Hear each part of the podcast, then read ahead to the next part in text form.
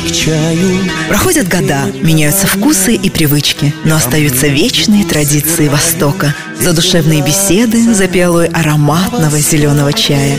Ощутите все тепло восточного гостеприимства и радушие программы «Чайхана». Ее ведущий Насибахон Аминовой. Что за жизнь без чайханы?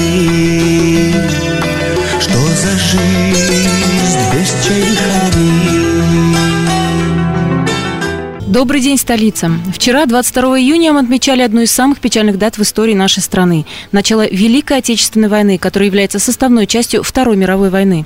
В этот день народы Таджикистана и России скорбят по всем соотечественникам, которые ценой жизни защитили свое отечество или стали жертвами Великой Отечественной войны 41-45 годов.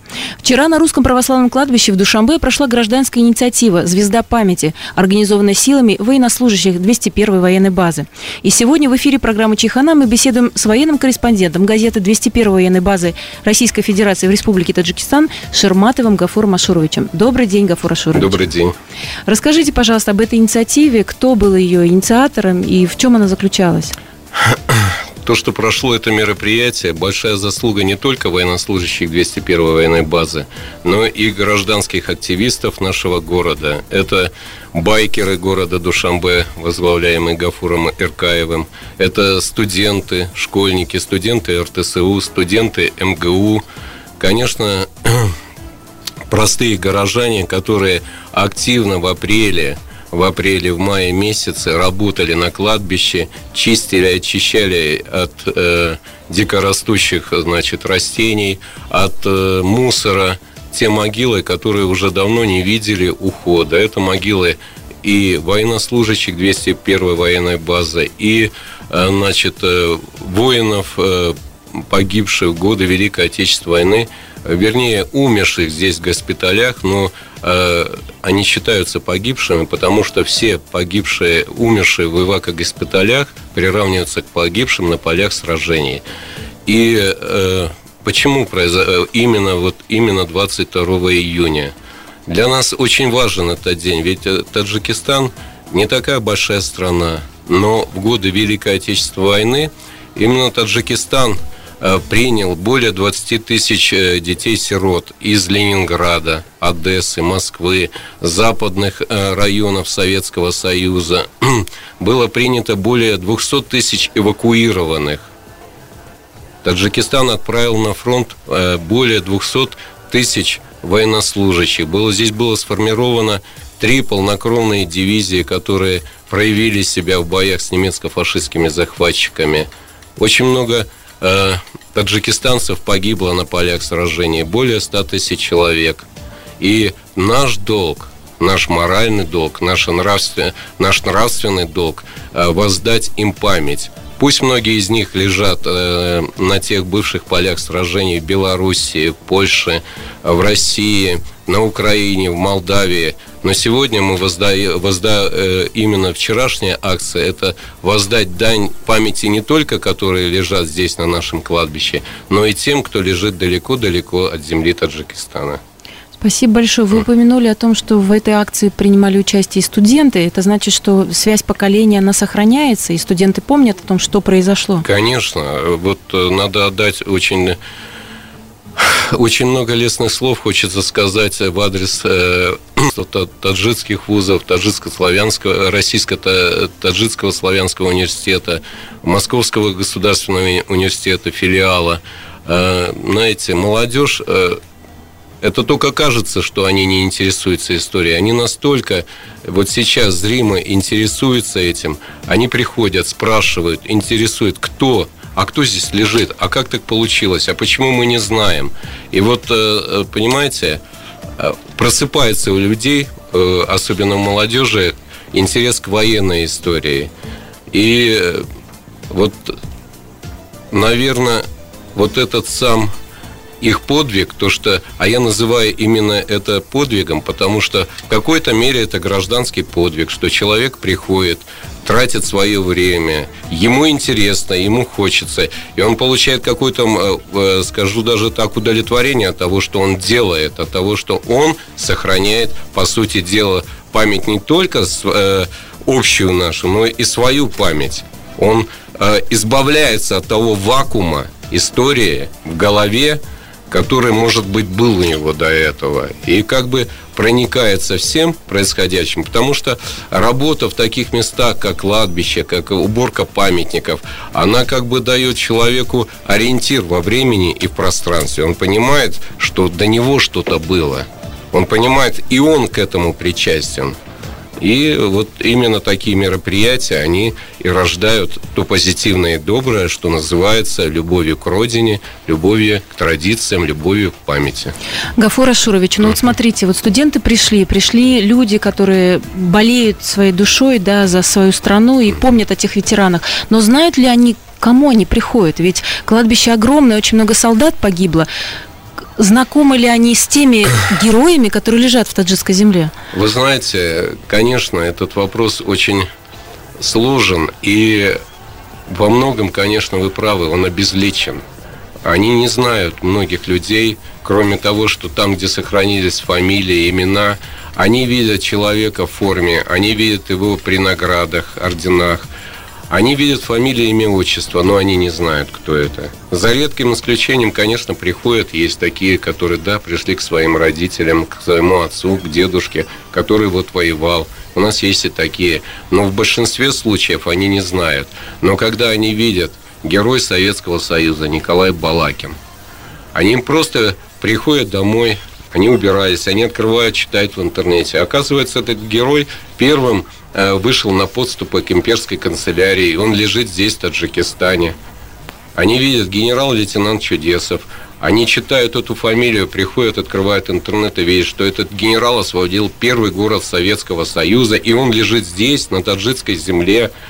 Вот. И, конечно, это заполняет вот тот вакуум, заполняет э, то незнание истории о Великой Отечественной войне. Вот почему я всегда упираю, что нужно знать историю, нужно помнить об этом.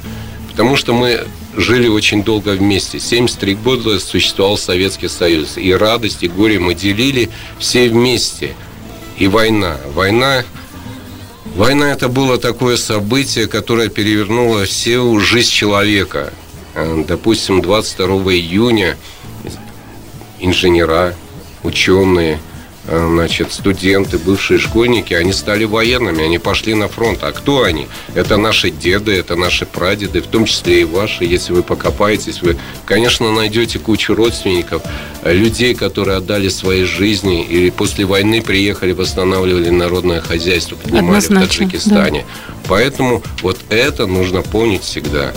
Вы знаете, я, вы, меня, вы мне навели на ту мысль, что вот как раз-таки про дедов, когда заговорили, а, несколько лет назад, когда я заинтересовалась все-таки подвигами своих дедов, которые воевали да, в Великой Отечественной, я наткнулась на сайт Министерства обороны Российской Федерации, который называется типа «Банк памяти». И вот там как раз-таки есть выписки, выдержки из приказов, когда и когда вот я нашла лично своего деда, и за что он получил орден Красной Звезды и медали, это было очень интересно. Но ведь очень много остается за гранями, да, и не все, к сожалению, имеют возможность поковыряться, поискать в архивах. Вот как донести людям тех э, имена и фамилии тех людей, которые лежат на земле. Возможно, может быть, это открыва, устраивать открытые чтения, либо устраивать открытые встречи, чтобы люди знали от тех своих героев, которые отправлялись на фронт, которые остались лежать на таджикской земле, либо еще где. Знаете, да, вы правильно сказали. Этот сайт называется «Подвиг народа». И находится он на сайте Министерства обороны Российской Федерации. И там действительно э, сосредоточены имена погибших, награждения. Вот. И очень многие нашли своих э, близких, родных, э, тех людей, которые воевали. Многие даже, когда открывали фамилия, имя, знаете, у нас были такие случаи. А вы знаете, он представлен, мне говорили, представлен к медали за отвагу а у него не было, а он уже умер. Конечно, вот то, что создан этот сайт, это просто замечательно. Ну, э, касаемо вашего второго вопроса, конечно, нужно делать это. Нужно почаще проводить вот такие викторины. Я даже, знаете, иногда думаю, вот э, проводить викторины о Великой Отечественной войне, о постсоветском периоде с Таджикистана, когда, ну вот представьте, за 73 года Э, было построено более 300 предприятий Таджикистане. Даже предвоенные годы. Это очень трудно передать, чтобы понять вот это все. И, конечно, вот такие вот инициативы, когда молодежь должна пользоваться не только, вот, допустим, книгами, электронными средствами и знать историю, это здорово. А вот что-то нужно делать, что-то нужно менять, потому что когда у человека есть корень, когда он знает, откуда он, куда он идет, чему он движется, это хорошо. Мы не можем говорить, что вот наша история началась 10 лет назад, 20 лет назад. Вот. История началась гораздо задолго до нас. Она началась даже не 73 года назад, э, то есть не, не в 17-м, не в 23-м, не в 24-м, не в 29-м году, когда провозглашена была. Она началась еще вот как раз, может, с образования государства саманидов. Но каждый этап истории мы не должны вы... мы должны беречь, мы не должны выталкивать его, мы не должны забывать про него, потому что если мы забудем про советский период истории, мы создадим вакуум, вакуум, который просто не, нечем будет заполнить. Абсолютно с вами согласна, Гафур Ашурович. А, Гафур Ашурович, вы упомянули о том, что вот в рамках акции, которая вчера состоялась на Российском православном кладбище, а, э, вы ремонтировали могилы фронтовиков. А вообще, есть ли точное количество, сколько этих могил? Кто-нибудь их подсчитывал? Вы знаете, е, э, посещая районы, э, это и селения, кишлаки, э, значит, Таджи, Таджикистана, как Курган-Сибинск, э, Хатлунской области, Куляба, Турсунзаде. Мы всегда поражались, вот когда ездили, смотрели это, фотографировали. Огромное количество, вы знаете, в каждом кишлаке есть памятник воинам, отдавшим своей жизни в Великой Отечественной войне. Там во многих, во мной, на многих памятниках фамилии, имена, отчества, инициалы во всяком случае. Но вся проблема, понимаете, у нас их никто не сносит. Они стоят. Но беда в том, что их никто и не ремонтирует. Вот если есть они не находятся на балансе тех, допустим, муниципальных... Вы знаете, может быть, да. они находятся на балансе местных администраций, но э, они во многом, многие из них находятся э, в плохом состоянии, в очень плохом состоянии даже. За чей счет тогда вы производите ремонт? Вы Это знаете, я вам личная инициатива? Вот э, мы, конечно, не везде можем это сделать. Вот тот памятник, который был проведен э, ремонт, э, допустим, э, Камбригу Томину, это в Осейском районе, в основном он был выполнен за счет пожертвований солдат офицеров 201 военной базы.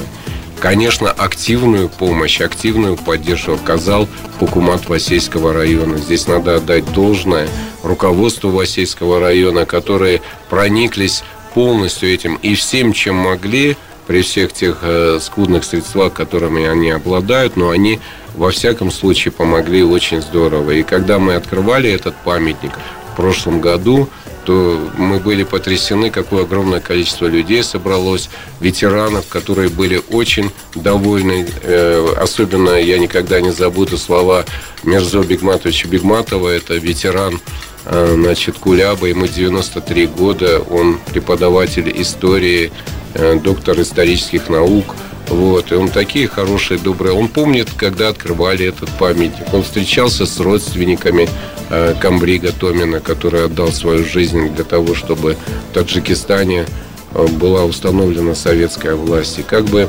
э, понимаете, всегда находится поддержка среди местного населения. Вот эта память, что надо отдать должное э, таджикскому народу, всем таджикистанцам – когда касается дела восстановления памятников, все ведут себя очень адекватно, все ведут и всегда стараются помогать всем, чем могут. Вот. А, то, что касается э, еще других памятников, особенно, знаете, хочу отметить э, Турсунзаде. Здесь, конечно, мы были потрясены отношением местных жителей, отношением городского актива города Турсунзаде администрации. Значит, э, Буквально в прошлом году, позапрошлом году, они восстановили собственными силами, когда мы к ним приехали, они восстановили сразу же, значит, э, просто с предложением давайте создадим группу памяти у вас. С удовольствием вступили в нашу группу память.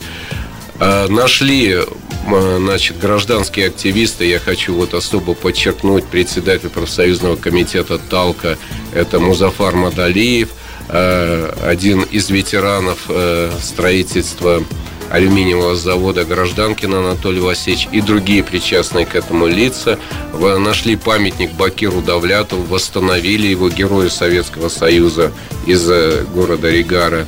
Вот и э, очень много провели. Они, у них, э, у нас в Таджикистане есть танк Т-34-85, который установлен в городе Турсунзаде.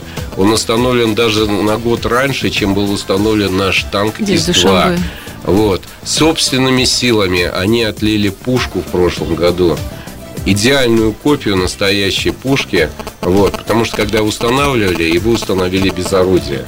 И вот в прошлом году вот эта вот э, э нехватка была компенсирована, сделана точная копия 85-миллиметровой пушки танка Т-34-85 и установлена вот на этот памятник.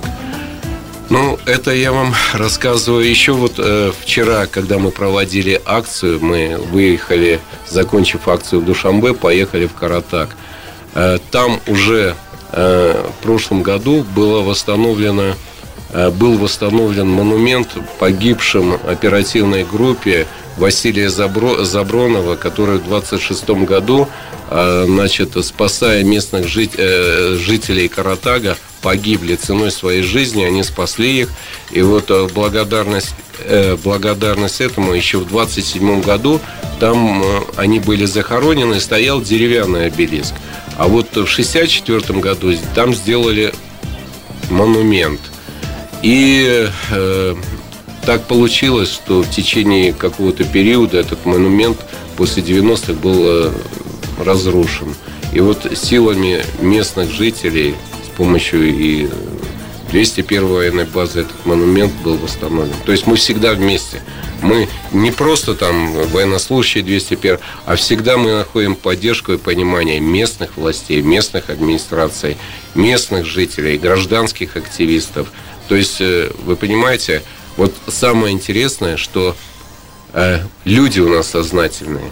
Нужна просто инициатива, и все, больше ничего. Даже в таких случаях не нужно ни денег, ни средств. Все находится как-то само собой, потому что каждый что-то хочет сделать хорошее, доброе. А, Гафур Ашурович, а как люди попадают в вашу инициативную группу «Память»? Как они находят вас? Вы же где-то, я не знаю, где вас можно найти, если вот, при желании э, радиослушатели услышат нас и захотят оказать содействие в восстановлении памяти о наших героев?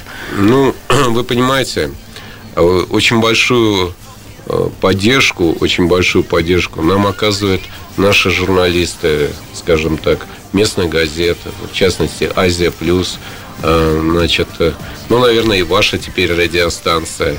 Но я даже не хочу даже перечислять это. То, понимаете, э, вот добрые дела, они как-то сами собой, наверное, распространяются, и очень многие нам звонят и говорят, вот мы хотим поработать вместе с вами, пожалуйста, мы говорим. Обычно мы работаем в начале, начинаем работу в начале апреля, и заканчиваем ее как раз в аккурат 22 июня. А потом у нас осенняя работа. Это в октябре и в декабре месяце. Вот именно в это время мы приводим могилы в порядок, изучаем это. Вот мы в этом году, знаете, планируем осенью провести, э, значит, расставить геометки. То есть э, поставить точные координаты, где находятся могилы героев Советского Союза. Вот не секрет, Потрясающе. у нас на кладбище захоронено шесть героев Советского Союза.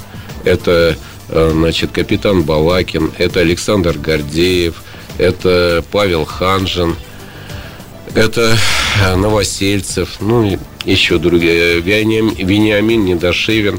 А вот э, очень многие, когда приезжают, а где они находятся? И вот мы хотим сделать э, в Гугле, чтобы эти метки стояли постоянно. Вот здесь могила, координаты, значит, э, широта, Информация. долгота, и любой человек уже знает, где находится это место. И даже захоронение воинов, умерших в госпиталях города Сталинабада, это тоже как бы необходимо сделать. Вот э, работа ведь она не только на кладбище. Вот у нас большую работу мы в архивах ведем. Значит, в этом году э, мы получили документы с военно-медицинских архивов, э, военно-медицинского архива города Санкт-Петербурга. Теперь мы знаем, сколько количества номера госпиталей было здесь, в Таджикистане. Мы знаем буквально, где находился каждый госпиталь. Вот до этого у нас точной информации не было. Да, мы знаем, в 20-й школе находился. В 9 школе, где я училась, я точно школе. знаю, что у нас был военный госпиталь да. на территории. Э, понимаете, вот в прошлом году так приятно, мы открыли две таблички. Это вот в детской инфекционной больнице на улице Чапаева, четвертая школа. Вот, там тоже открыли. Все-таки у нас было 22 эвакогоспиталя. Я всегда говорю, что а что такое Сталинабад в годы войны, послевоенные годы, даже сейчас? Это город военно-медицинской славы. Вот не просто так 50, почти более 50 тысяч человек поправило здесь свое здоровье. Сюда везли самых тяжело раненых. Их не оставляли где-то там под Москвой, где-то, значит, под Киевом. Вот самых тяжело раненых везли сюда, в Таджикистан. Это ожоги, это танкисты, летчики, это вот те, кто получил такие специфические обморожения, потому что это юг, Здесь э, фрукты, фрукты, овощи. И именно тепло лечило, в первую очередь, тепло. Потом э, само отношение людей, само отношение сталинобадцев к этому было очень хорошее. Вот, и поэтому э, я вот неустанно всегда говорю, что таким городам, как Ташкент, Душанбе, Иваново, э, значит, Ярославль, им надо присваивать. Да, они находились в тылу, но если бы не было прочного тыла, не было бы и победы. И вот таким городам нужно присваивать там, где находилось максимальное количество госпиталей на душу населения. Извините, у нас все школы были. города были отданы под эвако-госпитали. Вот мы должны дать таким городам статус города военно-медицинской славы. Этот вопрос нужно поднять э, на уровне СНГ, на уровне вот именно Содружества а вы с этой инициативой на более высокостоящий Вы знаете, я об этом уровень. всегда говорю на многих совещаниях, на многих форумах, на многих круглых столах. Но пока это остается просто инициативой, к сожалению. Как бы эта тема не затрагивая, она затрагивается, но не в той мере, в которой ее должны оценить, дать ей настоящую оценку и таким городам вот дать такие вот как бы их поднять статус, вот, исторический статус, историческую роль. Вот историческую роль Великой Отечественной войны. Не, не просто там, что мы, мы, да, и наши дивизии участвовали на, на фронтах Великой Отечественной войны, и наши люди участвовали в трудовом фронте, это на Южном Урале, на Северном Урале, строили танк, э, э, собирали танки, строили танкоград и так далее. Но мы еще и лечили людей, мы спасали наших воинов, вот, тысячами. Вот, восстанавливали их. И даже послевоенные годы, вспомните, это 45-й, 46-й, 47-й год, у нас еще были оставались госпиталя, которые просто занимались реанимацией этих инвалидов, возвращением их жизни. Вам нужно сесть и написать большую-большую книгу о тех людях, которых память чью вы сохраняете, о тех людях, которые становятся соратниками вам в вашем таком значимом деле. Вы случайно не историк, вы случайно не писатель? Вы знаете, да, меня уже можно назвать вполне профессиональным историком, потому что я закончил Российско-Таджикский славянский университет по специальности Отечественная история уже в зрелом возрасте. Во многом то, что любовь к истории, к военной истории, это привил мне отец, который э, сам писал немного, вот, и собрал очень большую библиотеку. И как бы с детства я жил вот в атмосфере военной истории, военных мемуаров. Я перечитывал эти книги, наверное, ну, наверное, я так, если вспомнить, наверное, уже с семилетнего как научился читать, потому что то, что читал папа, Я прекрасно помню, когда вот вышло первое издание Жукова «Воспоминания из Марселя», я сразу стал читать тоже эту книгу. Четыре тома, если не Да, ошибаюсь. Тогда это было два тома. Мгм. Да, позже они были немножко разбиты. Тома, да. Вот, а вначале это вышел вообще первый один том всего лишь а издательство агентства печати новости. Потом его разбили на два, а потом вышло уже три тома. То есть с дополнениями уже после смерти Жукова. Вот, поэтому, конечно, изучение истории как бы стало моим хобби, а оно превратилось как бы уже вот даже профессию и специальность. Я, кстати, рад, что даже так получилось в жизни. Вот. А по поводу написания книг, э, значит, э, есть небольшой опыт, конечно, у меня выходит, э, выходило много очень статей на тему и исторической тематики, и профессиональной моей тематики. Это по 201 военной базе. Их можно почитать и в «Красной звезде», и в «Уральских военных вестях», и в нашей газете. Вот. э, Вышла у нас книга, написанная в содружестве значит, с Виктором Васильевичем и Ириной Дубовецкими, э, Дубовецкими а вот, э, у врат Востока. Хочется написать, конечно, вы знаете, о э, наших э, соединениях прославленных. Это 20-й таджикской кавалерийской дивизии, 63-й э, кавалерийской дивизии, вот, 61-й кавалерийской дивизии. То есть это о тех дивизиях, которые воевали. В свое время очень хорошо у нас был такой хороший очень историк Александр Секретов. Он написал о 20-й таджикской кавалерийской дивизии неплохую книгу «Пройденный путь». Она наз- не «Пройденный путь», а история этой дивизии. Но э, те факты, которые сейчас уже я получил, а у меня есть, значит, приказы, э, значит, э, из, полученные из архива Генштаба. То есть столько собрано новых фактов, столько собрано новых героев, столько всего интересного, что действительно хочется написать. Вот э, есть такое желание написать военно-исторический очерк вот именно об этих дивизиях.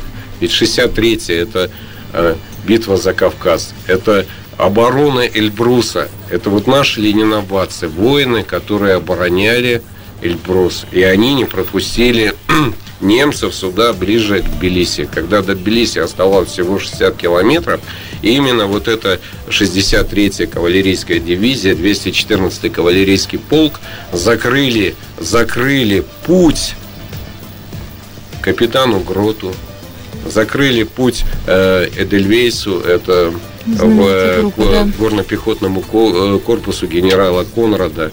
Вот. И э, как-то спасли, как-то спасли эту ситуацию. В течение двух месяцев они держали ситуацию, пока не подошли специально подготовленные части. Или наша 61-я кавалерийская дивизия. Ведь когда мы говорим, да, книга «Горячий снег», замечательная книга Юрия Бундарева написана, когда э, на реке Мышкова нашей части а вторая гвардейская армия э, Родиона Малиновского вышла и отразила атаку э, значит, войск Манштейна. Это операция «Зимняя гроза», когда немецкие танки рвали всего оставалось 48 километров. Но перед этим что было? Две недели. Две недели 61-я кавалерийская дивизия. Второй второй кавале... четвертый кавалерийский корпус генерал-лейтенанта Шапкина сдерживал атаки превосходящих сил 85-я танковая бригада. Ровно почти неделю они сдерживали эти войска. Погибли почти все, но дали возможность, погибли они на реке Аксай, вот, но дали возможность второй гвардейской армии э, значит, развернуться на рубеже река Мышкова с тем, чтобы уже отразить атаку ослабленной танковой группировки немецких войск. И вот здесь вот, конечно, большую роль. Вот, э, к сожалению, э, вообще практически забыт. Хотя, э, значит, даже в мемуарах у немецких генералов даже Гитлер говорит, не напоминайте мне про эту речку Аксай. У меня э, начинает желудок болеть, когда я слышу про Аксай. Потому что ровно неделю немецкие танки задержались. 48 километров. Ну что такое 48 километров? Это отсюда вот до Джинкидзабада. Максимум Это полчаса езды, всего да. лишь прорвать эту оборону, такая, такая мощная группировка танков. Но вот эти люди, они выполнили свою задачу, в том числе и наша, наша 61-я кавалерийская дивизия. Потрясающе. Гафур Ашурович, у меня такое ощущение, что я прослушала урок истории, причем очень живой. Я это все представила, как это было. Я думаю, что наши радиослушатели услышали то, что вы хотели донести, и память в наших сердцах всегда будет оставаться такой же яркой, яростной в отношении тех, кого мы когда-то захоронили. Спасибо большое за эфир. Я желаю вам крепкого здоровья, всем участникам инициативной группы «Память», долгих лет и до новых встреч на Спасибо. радио «Ватан». Очень тронут.